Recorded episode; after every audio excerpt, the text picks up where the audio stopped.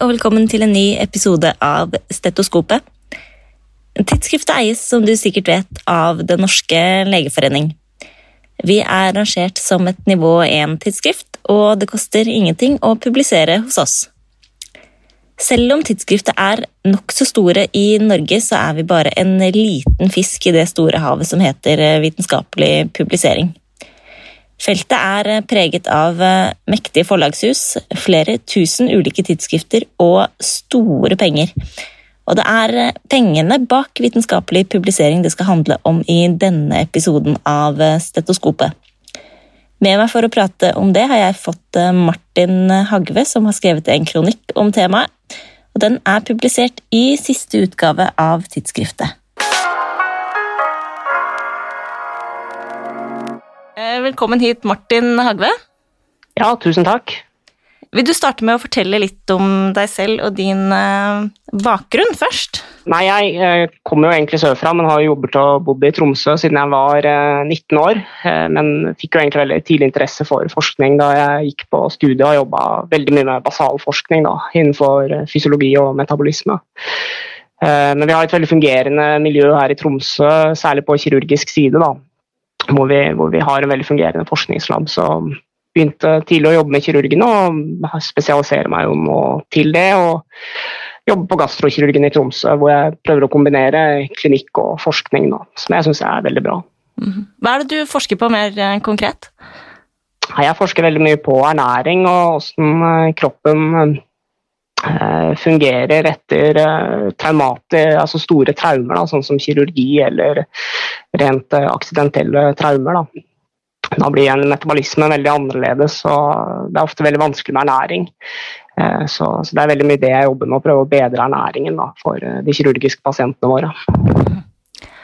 Og nå så har du skrevet en kronikk som har tittelen 'Pengene bak vitenskapelig publisering'. Hva var det som motiverte deg til å skrive om det? Eh, nei, man må jobbe med forskning, så, så, blir man veldig eksponert for hele forskningsindustrien. Jeg begynte egentlig først å interessere meg for eh, det som heter en sånne predatory journals, eller røvertidsskrifter, som er egentlig rene humbug-tidsskrifter som prøver å tjene penger fra, fra forskerne. Da. Men nå nylig så, så, ble jeg egentlig litt obs på at jeg skulle publisere en artikkel.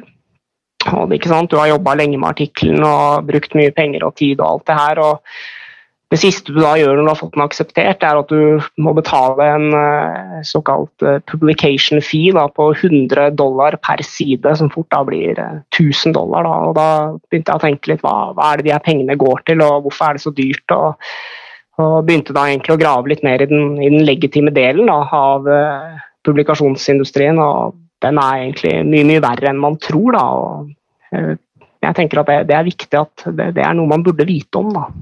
Mm. Det her med publication fee, er det vanlig for alle tidsskrifter, eller?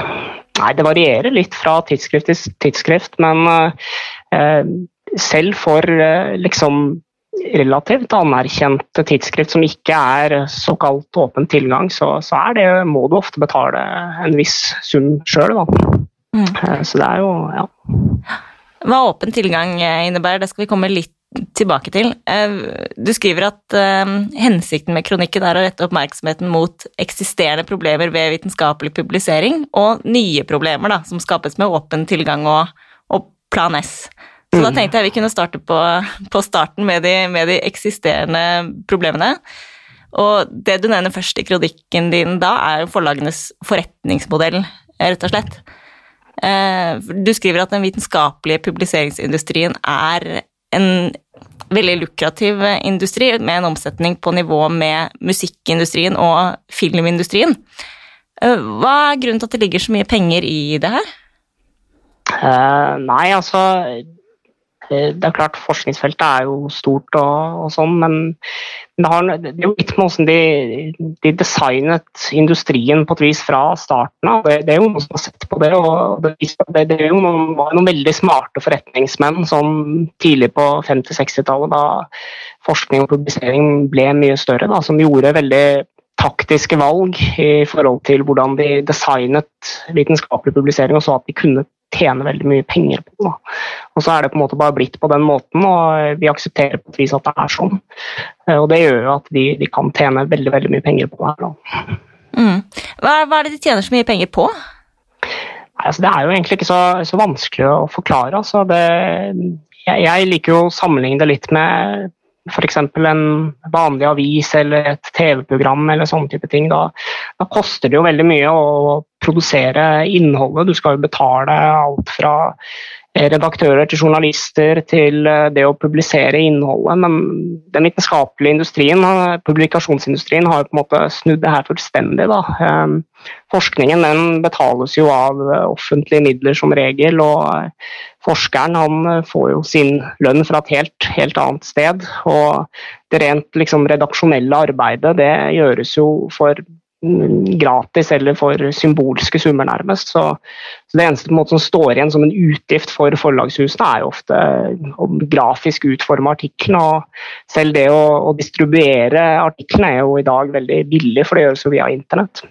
Så det er på en måte veldig veldig lite utgifter de har, og selger produktet til en ekstremt høy pris. Da. og Det fører til at de får en profitt som egentlig bare kan du kan sammenligne har, har lignende innenfor uh, legemiddelindustrien. Ja. Mm, ja. Du skriver jo at uh, Elsevier, som er et av de store forlagshusene, har en profitt på opp mot uh, 40 Det er jo mm. veldig høyt. Ja, det er, det er, veldig høyt, og det er høyere enn mange av de mest, de mest lønnsomme farmakologiske selskapene. Og det er jo en, en eh, profitt som heller ikke går, har gått noe ned. Snarere så går det prosenttallet opp. Da. Eh, så det er jo veldig interessant. Mm. En annen ting du tar opp i din kronikk, det er dette med impact-faktor. Det er en mm. vanlig måte å måle kvalitet i vitenskapelige tidsskrifter eh, på. Kan du si litt om hva det hva det er, og hvorfor det er viktig for tidsskrifter å ha en øy, høy impact-faktor? Ja, nei, Impact factor det er jo en såkalt siteringsindeks. Da, den, den, vanligste siteringsindeksen eh, vi har. og, og Kort fortalt så, så, regnes jo impact factor ut hvor mange ganger artiklene til et bestemt tidsskrift eh, siteres av eh, andre artikler da, over en viss eh, tidsperiode. og det har på en måte etablert seg som veldig, et veldig viktig tall og, og, et veldig på en måte det som regner som kvalitetsmålet for eh, de vitenskapelige tidsskriftene. Altså, det er veldig viktig å ha høy impact factor for å, for å, kunne, for å kunne tjene penger, rett og slett. Mm. Mm.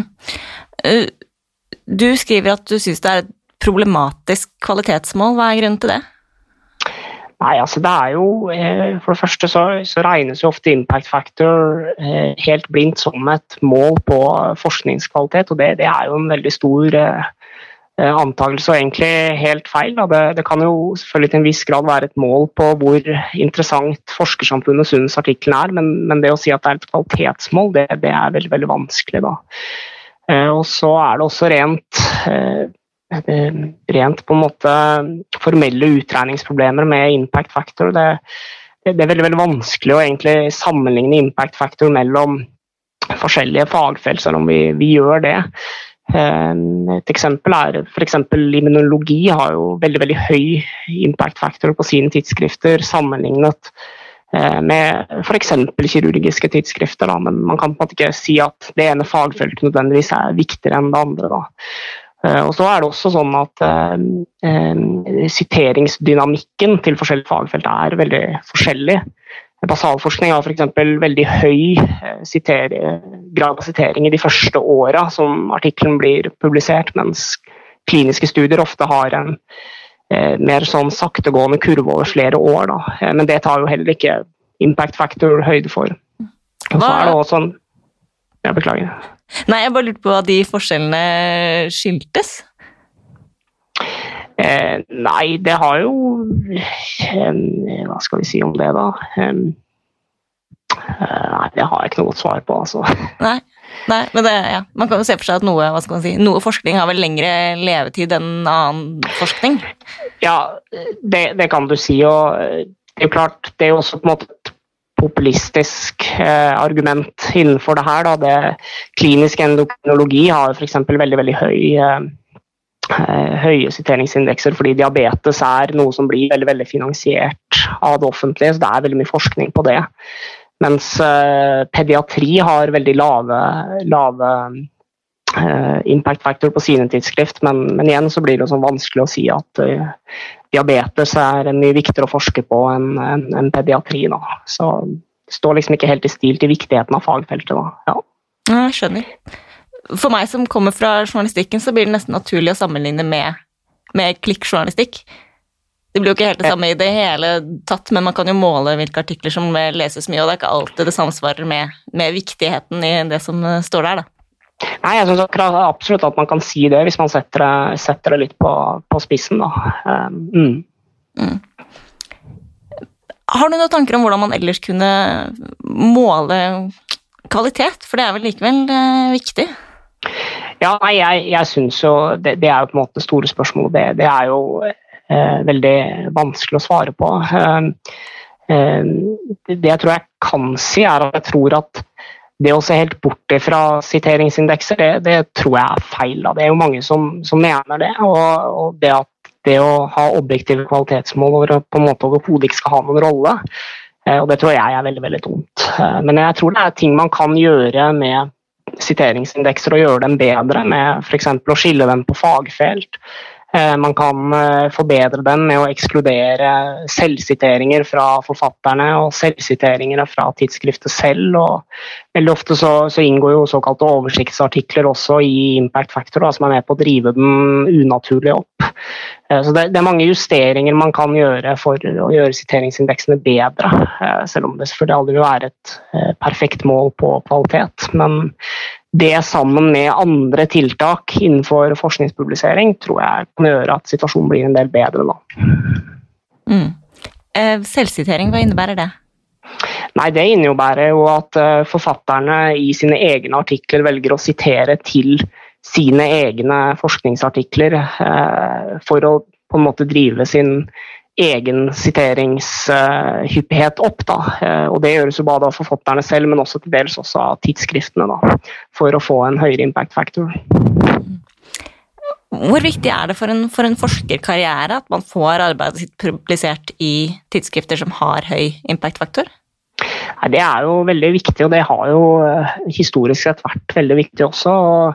Det er, jo, det er jo flere aspekter av det. Hvor, eh, hvor høyere impact factor tidsskriftet har, jo større sjanse er det for at eh, det blir lest. og Det er jo en ren sånn ideologisk del av det, at man gjerne vil ha sine egne resultater ut, som man selvfølgelig mener er viktig. Men det er også viktig rent karrieremessig. Både for leger og forskere så, så, vil eh, antall artikler være en veldig viktig del av eh, CV-en din. Og hvor du har publisert dem, sånn som det er i dag, er også veldig viktig. Så, så det er absolutt stor betydning for forskerne. Mm.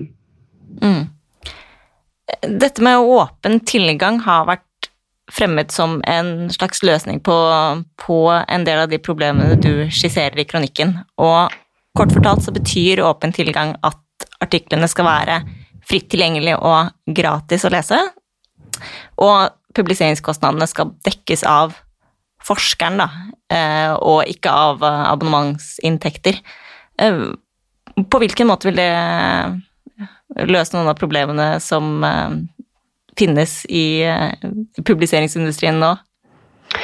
Nei, altså, my Mye av problemet med at det er såpass at impact factor har en så stor rolle, det er at kanskje på en måte mindre populistisk forskning, da, om man kan kalle det, sånn som studier som, som er negative, da, som på en måte ikke har uh, funnet forskjeller i det materialet de har, eller replikasjonsstudier, som egentlig er studier som gjentar annen type forskning. det det har jo ofte blitt litt ignorert og kan være vanskelig å få publisert, og, og er noe forskerne kanskje skygger litt unna. Da. Men med open, access eller åpen tilgang så eh, vil jo på en måte forskerne selv være de som tar avgjørelsen på hvorvidt de mener det er verdt å, å publisere materialet eller ikke. og det det vil nok kunne gjøre at eh, sånne typer studier, som er veldig viktige å publisere, men som i dag eh, kanskje ikke når dagens lys, vil kunne offentliggjøres. Da. Kan du si litt om hvorfor det er viktig at sånne studier publiseres og kommer ut? Nei, altså forskning er jo på et vis utvikling og sånn som hvis man ser på det etter en sånt perspektiv fra det man leser i avisen, og sånn, så vil det jo alltid være sensasjonsoverskrifter over nye studier innenfor kreft eller hva som helst. Men på en måte for at en behandling eller, eller et funn skal på en måte ha betydning, så må det jo verifiseres av andre, og det må gjennom flere andre typer prosesser. og eh, så Det er egentlig alfa og omega for at eh, forskningen skal kunne drives fremover. Og I dag er det altfor lite fokus på sånne type studier, og det, det gjør nok at, eh, at, veldig, at forskningen rett og slett går tregere fremover. Ja. Mm. Er, det, er, det, sånn at det er vanskeligere å få publisert den typen studier? Ja, helt klart. I tradisjonelle tidsskrifter? Ja, i hvert fall i, i tidsskrifter med, med høy impact-faktor, så tror jeg nok, nok, også er sånn at forskere grunnleggende ikke velger å gjøre sånne type studier nettopp fordi de vet at det vil være studier som er vanskelig å publisere, og, og derfor kanskje ikke er så på en måte eh, prisverdig å begynne, begynne på. Da. Ja. Mm. Så da er tanken at hvis man, eh, hvis man selv eh, finansierer den publiseringen, så er det ja, lettere å få det publisert? Man kan i hvert fall tenke seg det, ja. Mm. Men eh, hva skal man si, det er ikke alt som er positivt med åpen tilgang eh, heller, skriver du. Hva, hvilke andre utfordringer eh, har oppstått med, med åpen tilgang? Nei, altså, det, det, er jo på en måte at hele eh, situasjonen er litt snudd på hodet. da. Før så måtte eh, tidsskriftene og forlagshusene eh, selge produktet sitt til eh, Eh, leseren, og nå må de plutselig selge produktet sitt eh, til eh, forskerne. Så det, det, gjør at du får noen nye problemer. Da. For, for, det første så er det jo egentlig ikke tidsskriftets interesse i det hele tatt å drive så veldig god eh, Eh, kvalitetsvurdering av eh, forskerens arbeid. Det som er viktig for dem, er jo at forskeren eh, betaler og er villig til å betale for å publisere. Så det gjør nok at, at det er mye dårlig kvalitetskontroll. og Hvis du ser det i sammenheng med at forskere har klokketro tro på sin egen forskning og har et veldig stort ønske om å publisere mye, så, så får du en veldig uheldig situasjon. Og Spesielt fordi når vi sier at forskeren selv betaler, så er det jo egentlig samfunnet som betaler og det offentlige som betaler. Og Da ender du plutselig i en situasjon hvor det offentlige kan ende opp med å betale veldig mye penger da, for forskning som ikke er kvalitetssikret, og som kanskje egentlig har veldig liten vitenskapelig betydning. Mm. Det at det ikke er, ikke er kvalitetssikret, hvor uh, henter du det fra? Nei, eh, det er jo faktisk gjort eh, studier på det her. Det er en veldig interessant artikkel som ble publisert i 2013, hvor en, eh, faktisk en forskerjournalist som heter John, John Bohannon. Han datagenererte en haug med falske vitenskapelige artikler som var helt åpenbart med feil og mangler, som han da sendte ut i over 300 Open Access-tidsskrift for å se hvor mange av artiklene som ble akseptert. og Han fikk jo over halvparten av artiklene sine akseptert, og nesten helt uten kvalitetskontroll.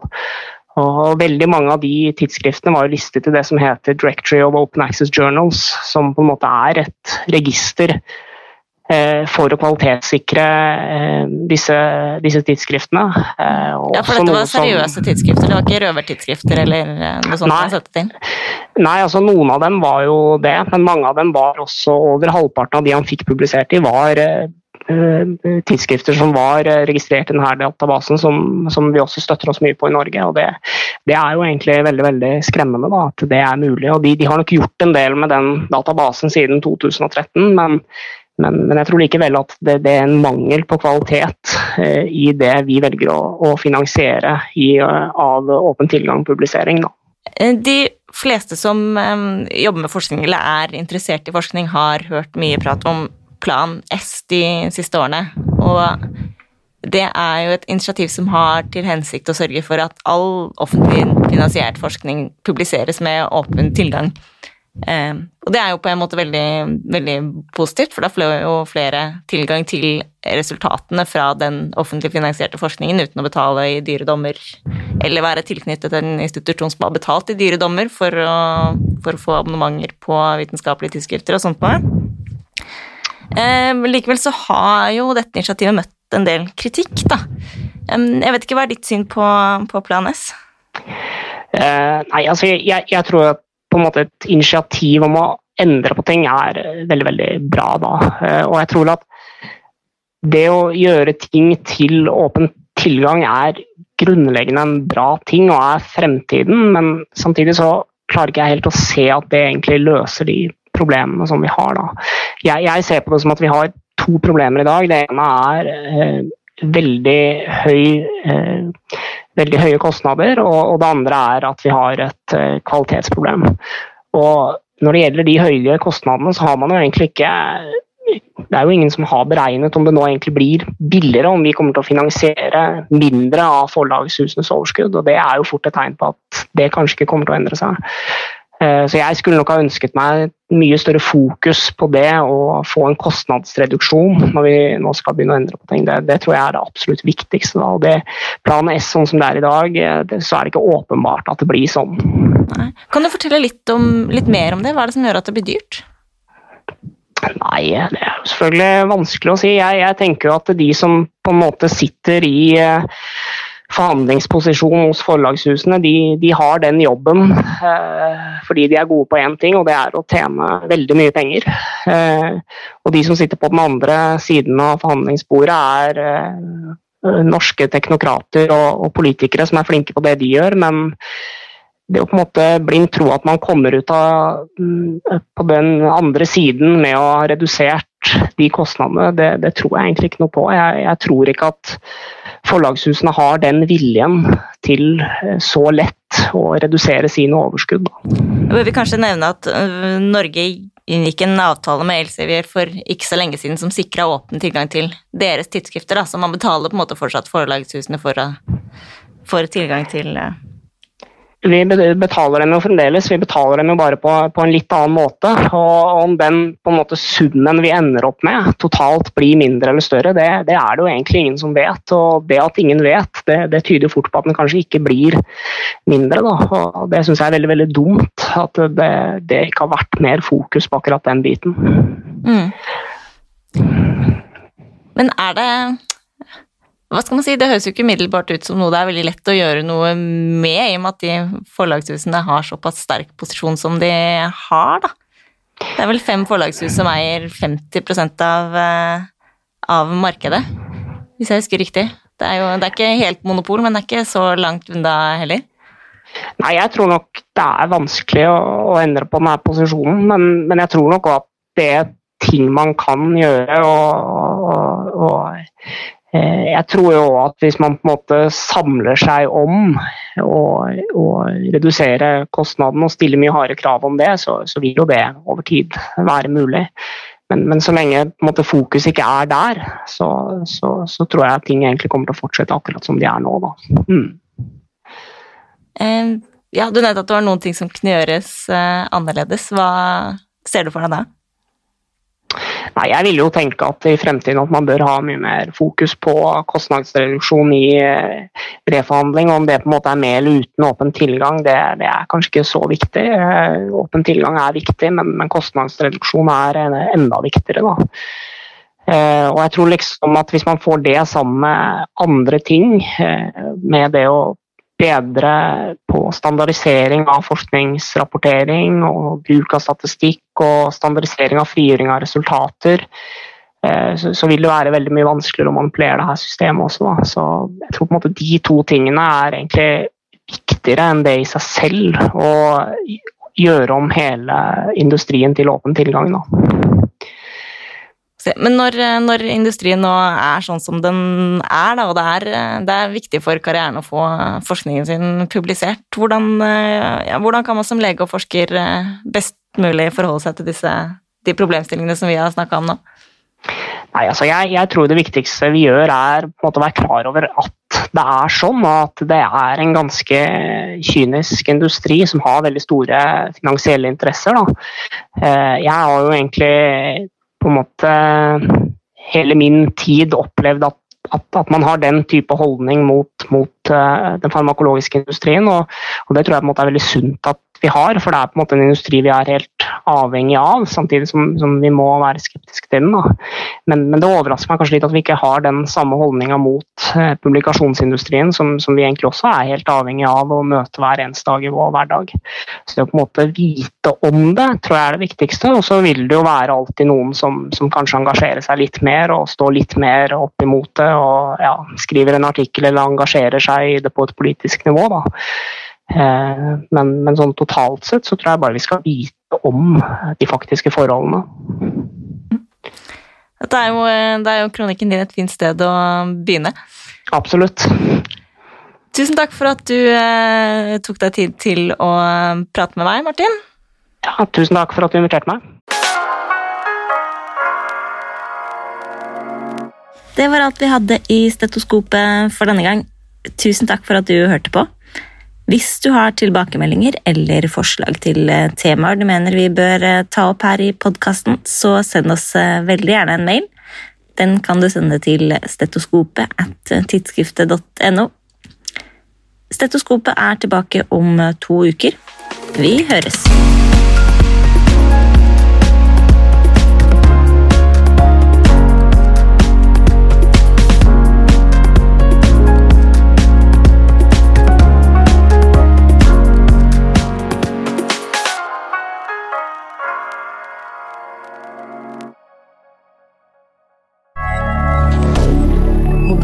rien.